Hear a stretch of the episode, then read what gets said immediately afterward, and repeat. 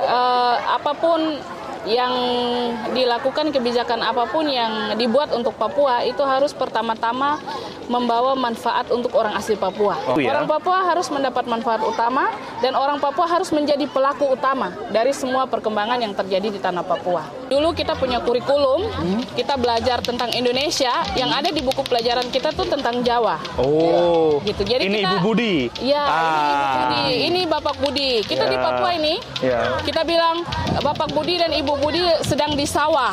Di sini teman-teman lihat tidak ada sawah. Tak ada sawah. Ya, gitu. Masa di mana anak-anak muda Papua itu mengalami krisis identitas. Identitas, Ya. kurang percaya diri. Betul, kurang percaya diri karena mereka merasa kulit mereka itu hitam dan rambut mereka keriting dan itu tidak cantik dalam standar publik Indonesia. Jadi orang Papua merasa perlu meluruskan rambut. Oh, bonding, di bonding. Ya, bukan karena meluruskan rambut itu hak dan semua orang punya hak untuk merasa terserah. Iya, terserah dia mau tampil seperti apa yang membuat dia percaya diri.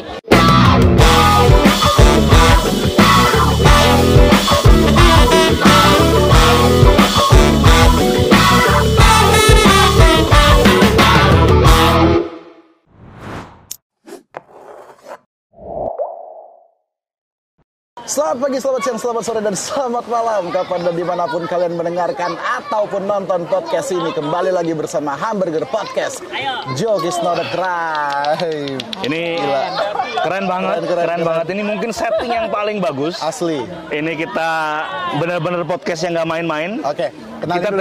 di tanah Papua. Papua.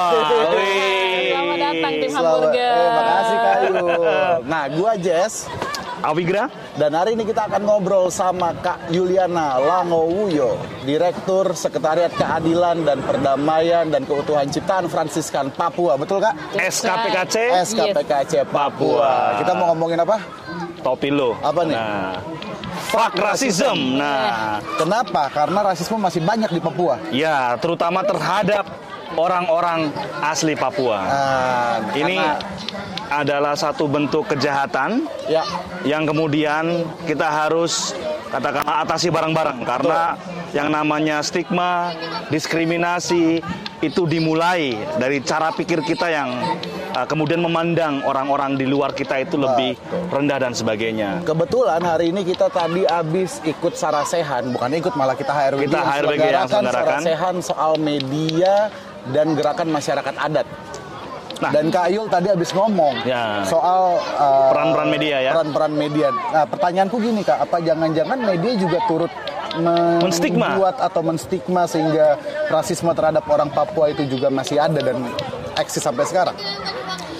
Eh, kalau bicara soal peran media ya, kalau peran media, kalau terjadi sesuatu terhadap orang Papua secara sistem, misalnya eh, stigma-stigma terhadap orang Papua, kalau orang Papua itu dia gondrong, gitu, berarti dia itu bisa masuk dalam kelompok yang dianggap, oh berarti mereka ini berjuang politik, Papua merdeka. Itu gitu. stigma-stigmanya ya. Ya itu ada itu ada contoh-contoh stigma. Kalau selama ini uh, media tidak berperan dalam melawan stigma itu, itu kan berarti terjadi pembiaran. Pembiaran, Gitu. ya betul. Pembiaran. Jadi media itu justru tidak uh, mengambil peran untuk memberikan pendidikan kepada Iya. publik Iya. supaya stop stigma atau media tidak mengambil peran dengan baik untuk melawan stigma bahwa orang tuh hitam kulit keriting rambut terus kebetulan rambutnya gondrong itu tidak bisa langsung dianggap sebagai penjahat Iya, iya. Kayak gitu seperti itu. karena orang kan lihat orang Papua ini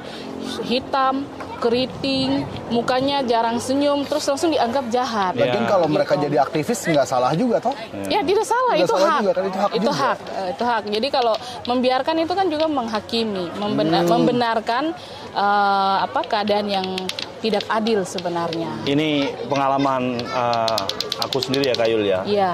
dengan banyak kawan orang Papua, gaul Ya, sampai ya. ke tanah Papua, tepi Danau Sentani yang panas seperti ini, Wah, hangat. Tapi indah ya. Saya Ya ini langsung Ngerasa- ini gas teman-teman ini Gas. langsung gas bicara rasisme. Saya tuh mau bilang selamat datang dulu ya Oh, teman-teman iya. hamburger ke tanah Papua secara khusus ke tanah Tabi ya. Tanah Tabi.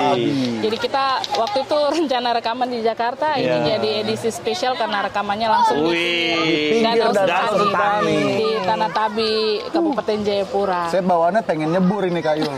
Nanti setelah ini Setelah rekaman. ini ya. Gua lanjutin. Lanjut, Meskipun lanjut. tadi eh, dikesankan kalau kemudian em, kulit hitam, kemudian katakanlah mukanya jarang senyum. Tapi pengalaman personal gua menunjukkan bahwa orang-orang Papua tuh hangat-hangat. Hangat Iya, secara apa namanya Personality. eh, personality-nya ya ramah, welcome, murah senyum, kemudian eh, apa ya bersahabat gitu ya. Jadi bisa kayak kemarin kita tuh nyebrang ke Apo kayak kayak Ayapo, Apo. Ayapo. Langsung kita berteman sama sama Alfa. Bisa langsung kita tuh kayak ini kenal yang lama bawa- ya. yang bawa ini. bawa kapal Bawa kemarin ya. Salam nanti Alfa saya kita ke Ayapo lagi. Nah, maksud saya adalah mungkin jangan-jangan selama ini kita cuman melihat dari sisi penampakannya saja. Betul, fisik. Nggak- fisik saja. Tak pernah kita kemudian sudah serius-serius mengenal apa isi hati sanubari orang-orang Papua. Betul. Sehingga kemudian secara katakanlah akumulatif gitu ya, kemudian semua digeneralisasi seperti katakanlah yang seperti tampakannya gitu Iya, ya. Ya, ya. Saya pikir uh, semua bermula dari uh, apa yang orang di luar sana pikirkan tentang orang Betul. Papua sebelum berinteraksi dengan orang Papua. Iya. Dan apa yang mereka pikirkan di luar sana tentang orang Papua itu mereka catat atau dianggap sebagai sebuah kebenaran. Hmm. Jadi sebelum orang datang ke Papua itu, Itu mereka sudah bawa punya dulu.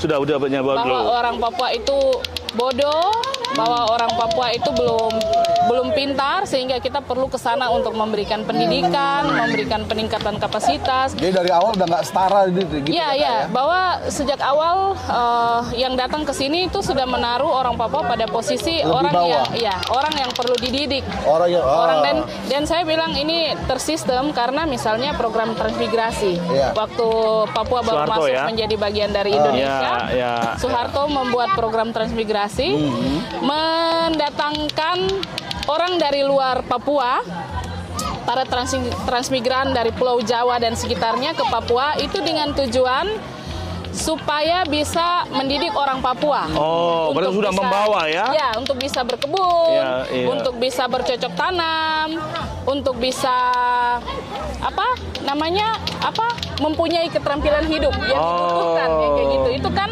berarti yang mereka pikir di sana adalah orang Papua ini tidak mampu. Iya, iya, iya. belum iya. pintar, tidak bisa yang kayak gitu. Iya, Padahal iya, iya. sebenarnya orang Papua dengan ilmunya, dengan adatnya, dengan kemampuannya itu sudah berjuang bertahan hidup di dalam iklim Papua yang sangat keras. Iya. Kalau Iya. teman-teman datang kan lihat geografisnya tidak Iya, gampang, iya, geografis yang kayak gitu. banget. Jadi kalau orang Konturnya Papua gunung ya. Betul, orang Kemudian- danau bisa menyesuaikan Danau. hidup di air danau. Itu Iya. kan karena keterampilan hidup yang mereka punya Betul, betul, betul, betul. yang mereka apa wariskan dari generasi ke generasi. Jadi bukan bukan orang Papua tuh tidak punya pengetahuan apa-apa kosong sehingga Iya, harus iya. orang dari luar yang datang baru kasih pendidikan yang kayak gitu. Jadi kalau kita mau lihat dari awal mula itu eh, sudah seperti itu.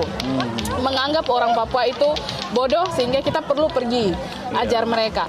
Bagian kedua kita bilang itu tersistem kalau teman-teman lihat dulu kita punya kurikulum, kita belajar tentang Indonesia yang ada di buku pelajaran kita tuh tentang Jawa. Oh. Gitu. Jadi ini kita- Ibu Budi. Ya, ini Ibu Ah. Budi, ini Bapak Budi. Kita di Ya. Papua ini, Ya. kita bilang Bapak Budi dan Ibu Budi sedang di sawah.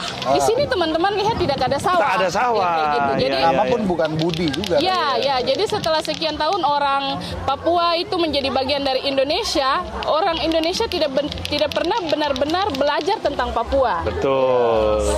Papua itu di mana? Dipaksakan ya, dipaksakan ya. Akan jadi siapa itu orang Papua, seperti apa karakteristik mereka. Itu kan tidak menjadi pelajaran yang dibahas secara umum di Indonesia. Jadi orang Indonesia tuh tidak tahu sama sekali orang Papua itu seperti apa yang kayak gitu. Nanti kalau macam saya dengan JC ini kan karena kita Awi kan kita sudah kenal, Iya. sudah ada interaksi.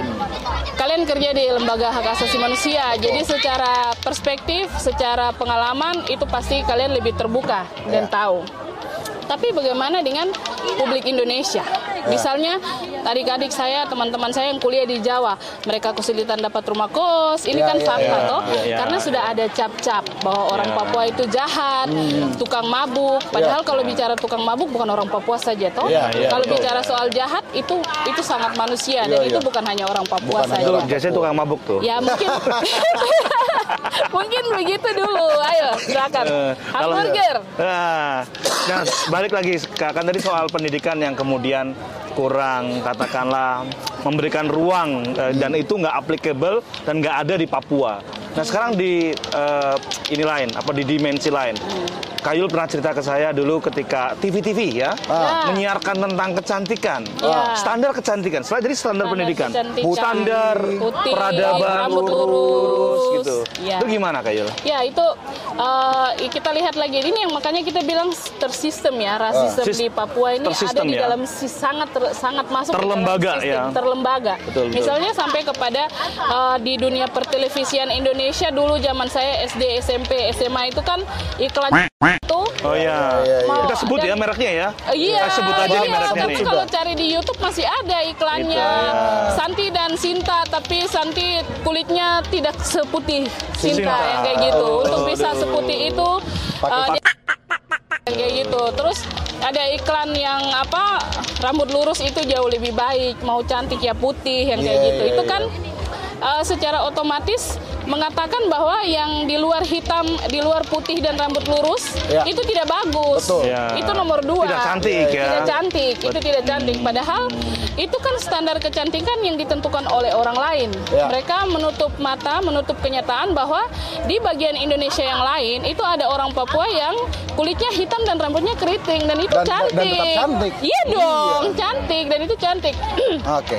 Saya bilang sangat tersistem dan berbahaya karena ada masa di mana anak-anak muda Papua itu mengalami krisis identitas. Identitas, Ya. kurang percaya diri. Betul, kurang percaya diri karena mereka merasa kulit mereka itu hitam dan rambut mereka keriting dan itu tidak cantik dalam standar publik Indonesia.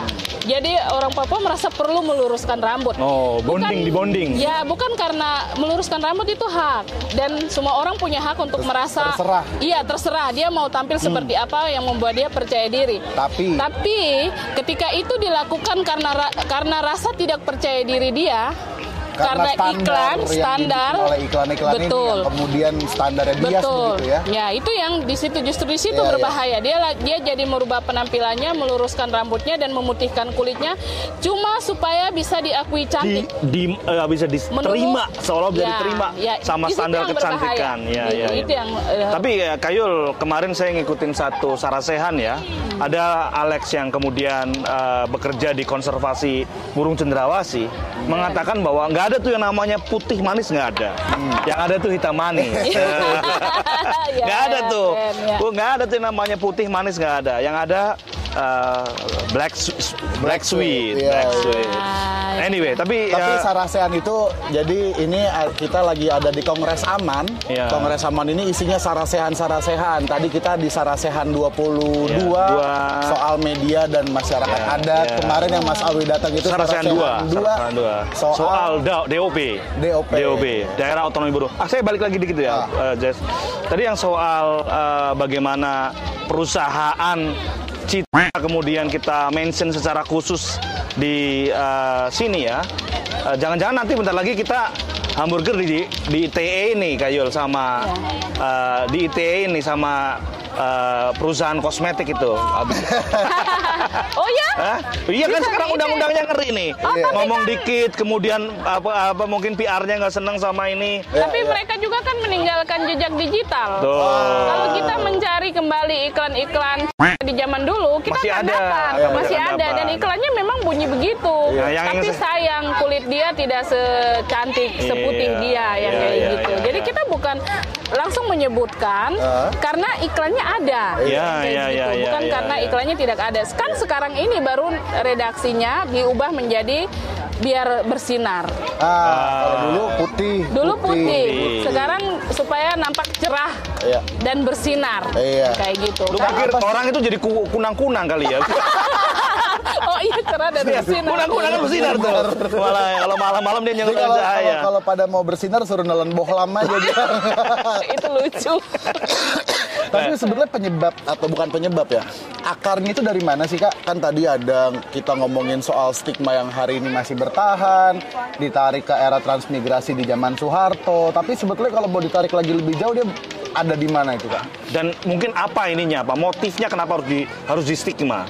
Kenapa sih orang Papua harus di stigma sama mungkin se- se- sejauh pengalaman Kak Yul, SKPKC gitu ya, memperjuangkan soal hak hak orang Papua, kemudian hak asasi manusia orang Papua.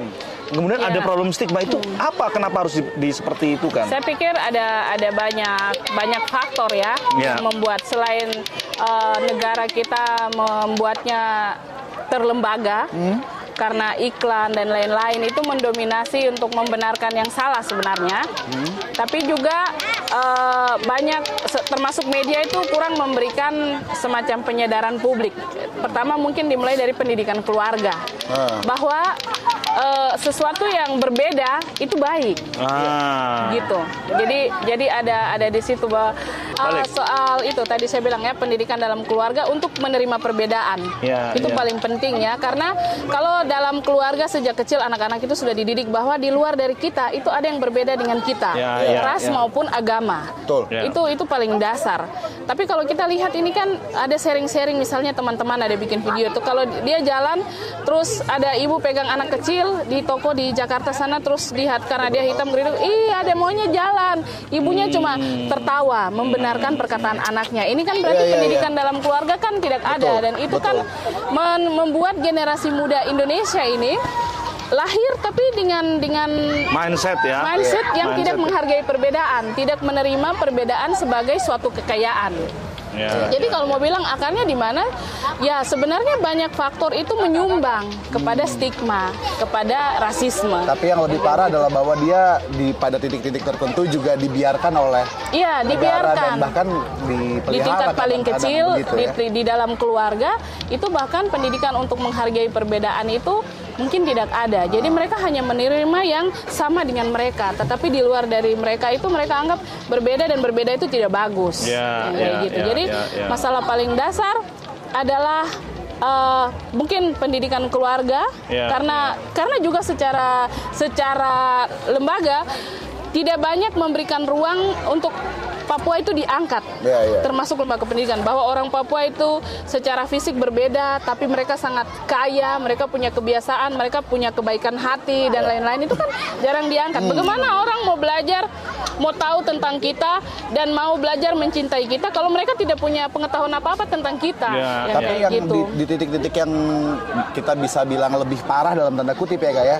Tadi Kak Yul cerita bahwa di kurikulum di kurikulum kurikulum Iya. pendidikan juga kemudian masih sangat bias Jawa sentris. eh, Jawa sentris dan segala macam dan di titik-titik yang lebih jauh ada rasisme-rasisme yang sengaja dibiarkan dan segala macam.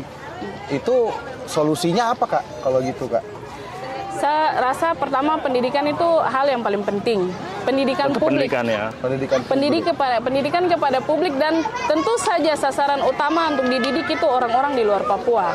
Yang gitu. Orang yang sudah orang dari luar Papua yang sudah datang ke Papua tuh mereka akan protes kalau orang di sana bicara orang Papua begini begitu.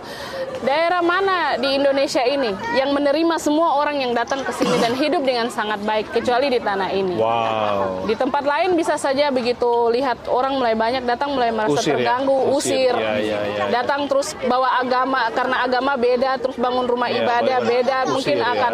Tapi di sini tidak, Tidak, ya, yang ya, kayak ya. begitu. Jadi Keramahannya sebenarnya ya, keramahannya, kehangatan, kebaikan hati itu perlu Ya, menjadi ya. pengetahuan Ya, ya. bagi Kalau- orang di luar sebentar Papua. nih, sebentar nih. Tapi kan namanya eh, negara ini kan juga sudah eh, berusaha nih ceritanya, pakai otsus, kemudian Ah. pakai tuh daerah otonomi baru. Apakah itu menyelesaikan persoalan-persoalan tadi tuh? Bagaimana eh, di luar eh, tanah Papua eh, masih memandang katakanlah menstigma dan memandang rendah orang Papua? Apakah itu bisa menyelesaikan problem-problem stigmatisasi Ekonomi terhadap khusus selama 20 tahun ini kan teman-teman sendiri kemarin datang ke Papua kan bisa lihat tuh dalam perjalanan siapa Adi ya bilang ini kita kemarin juga di kafe tapi tidak banyak orang Papua di Iya. situ yang kayak Iya. begitu. Kan kenyataan di mana orang Papua semakin terpinggirkan itu Bahkan terlihat sangat sendiri, ya. nyata. Saya kemarin rasanya malah lagi di eh, ini, lagi di Jakarta kemarin. Iya. Keluar hotel satu Lamongan. Iya, Iya toh? iya. Kamu kamu akan satu Lamongan. Iya. Iya, ya yang kayak Iya. yang seperti itu. Ya, ya, ya. Jadi belum dirasakan ya Ya. upaya-upaya. Nah dengan yang baru lagi tuh pemekaran-pemekaran daerah itu, DOB Ya, saya itu pikir tidak tidak tidak menyelesaikan juga ya. tidak menyelesaikan masalah, justru akan membuat dampak paling besar adalah orang Papua akan semakin terpinggirkan. Nah, ini Karena- bukan buat orang Papua ya. Iya. Ini Bukan, buat orang elit jangan-jangan. Orang yang datang itu punya dulu mereka terpaksa dibuang ke tanah Papua untuk transmigrasi. Hmm. Tapi sekarang banyak orang masuk ke Papua untuk kepentingan ekonomi. Mereka Ya. datang untuk merebut ruang-ruang hidup. Kita tetap bilang merebut ruang-ruang hidup karena kita ada ada di pihak orang asli Papua ya. Ya. Tapi kalau dari luar mereka akan bilang mereka punya hak untuk datang mencari kerja dan penghidupan yang jauh lebih baik di tanah Papua. Ya, ya. Oke. Oke, pikir Saya rasa uh, kita harus menghentikan setiap katakanlah pola pikir, cara pandang yang kemudian merasa diri kita tuh lebih, diri kita tuh kemudian merasa lebih tinggi, lebih superior. Kita jangan-jangan ya belum kenal sama siapa di luar kita. Kita kurang gaul jangan-jangan. Kalau Kayul boleh sampaikan kira-kira uh, ke depan uh, bagaimana cara pandang yang tepat untuk katakanlah memperbaiki situasi pelanggaran HAM, Ya. katakanlah kemiskinan, kemudian persoalan gizi, kesehatan, infrastruktur di Papua. Sebenarnya seperti apa harapan orang Papua yang yang yang yang pengen dimajukan? Saya pikir eh, apa pun yang dilakukan kebijakan apa pun yang dibuat untuk Papua itu harus pertama-tama membawa manfaat untuk orang asli Papua. Oh, orang asli Papua Orang ya. asli Papua. Jadi harus ada afirmasi di sana ya. Ya, ya benar. Ya, Karena ya, ya. karena seperti tadi kita bicara orang datang dengan kemampuannya dan sudah menaruh orang Papua pada level yang di bawah. Yang di bawah, ya, gitu. ya. Dan orang datang ke sini dengan tujuan untuk mengambil ruang-ruang Hmm. hidup yang ada, ruang ekonomi, pasar, kos-kosan, kafe dan sebagainya. Yang kayak gitu. Jadi Ya, ya. kalau semua pembangunan mau daerah otonomi baru mau otonomi khusus kedua, ketiga, tapi kalau manfaatnya tidak untuk orang Papua, tidak akan selesai masalah. Selalu akan Papua. seperti itu ya? Orang Papua harus mendapat manfaat utama dan orang Papua harus menjadi pelaku utama dari semua perkembangan yang terjadi di tanah Papua. Ya, ya. Oke. Kita cheers Kayu.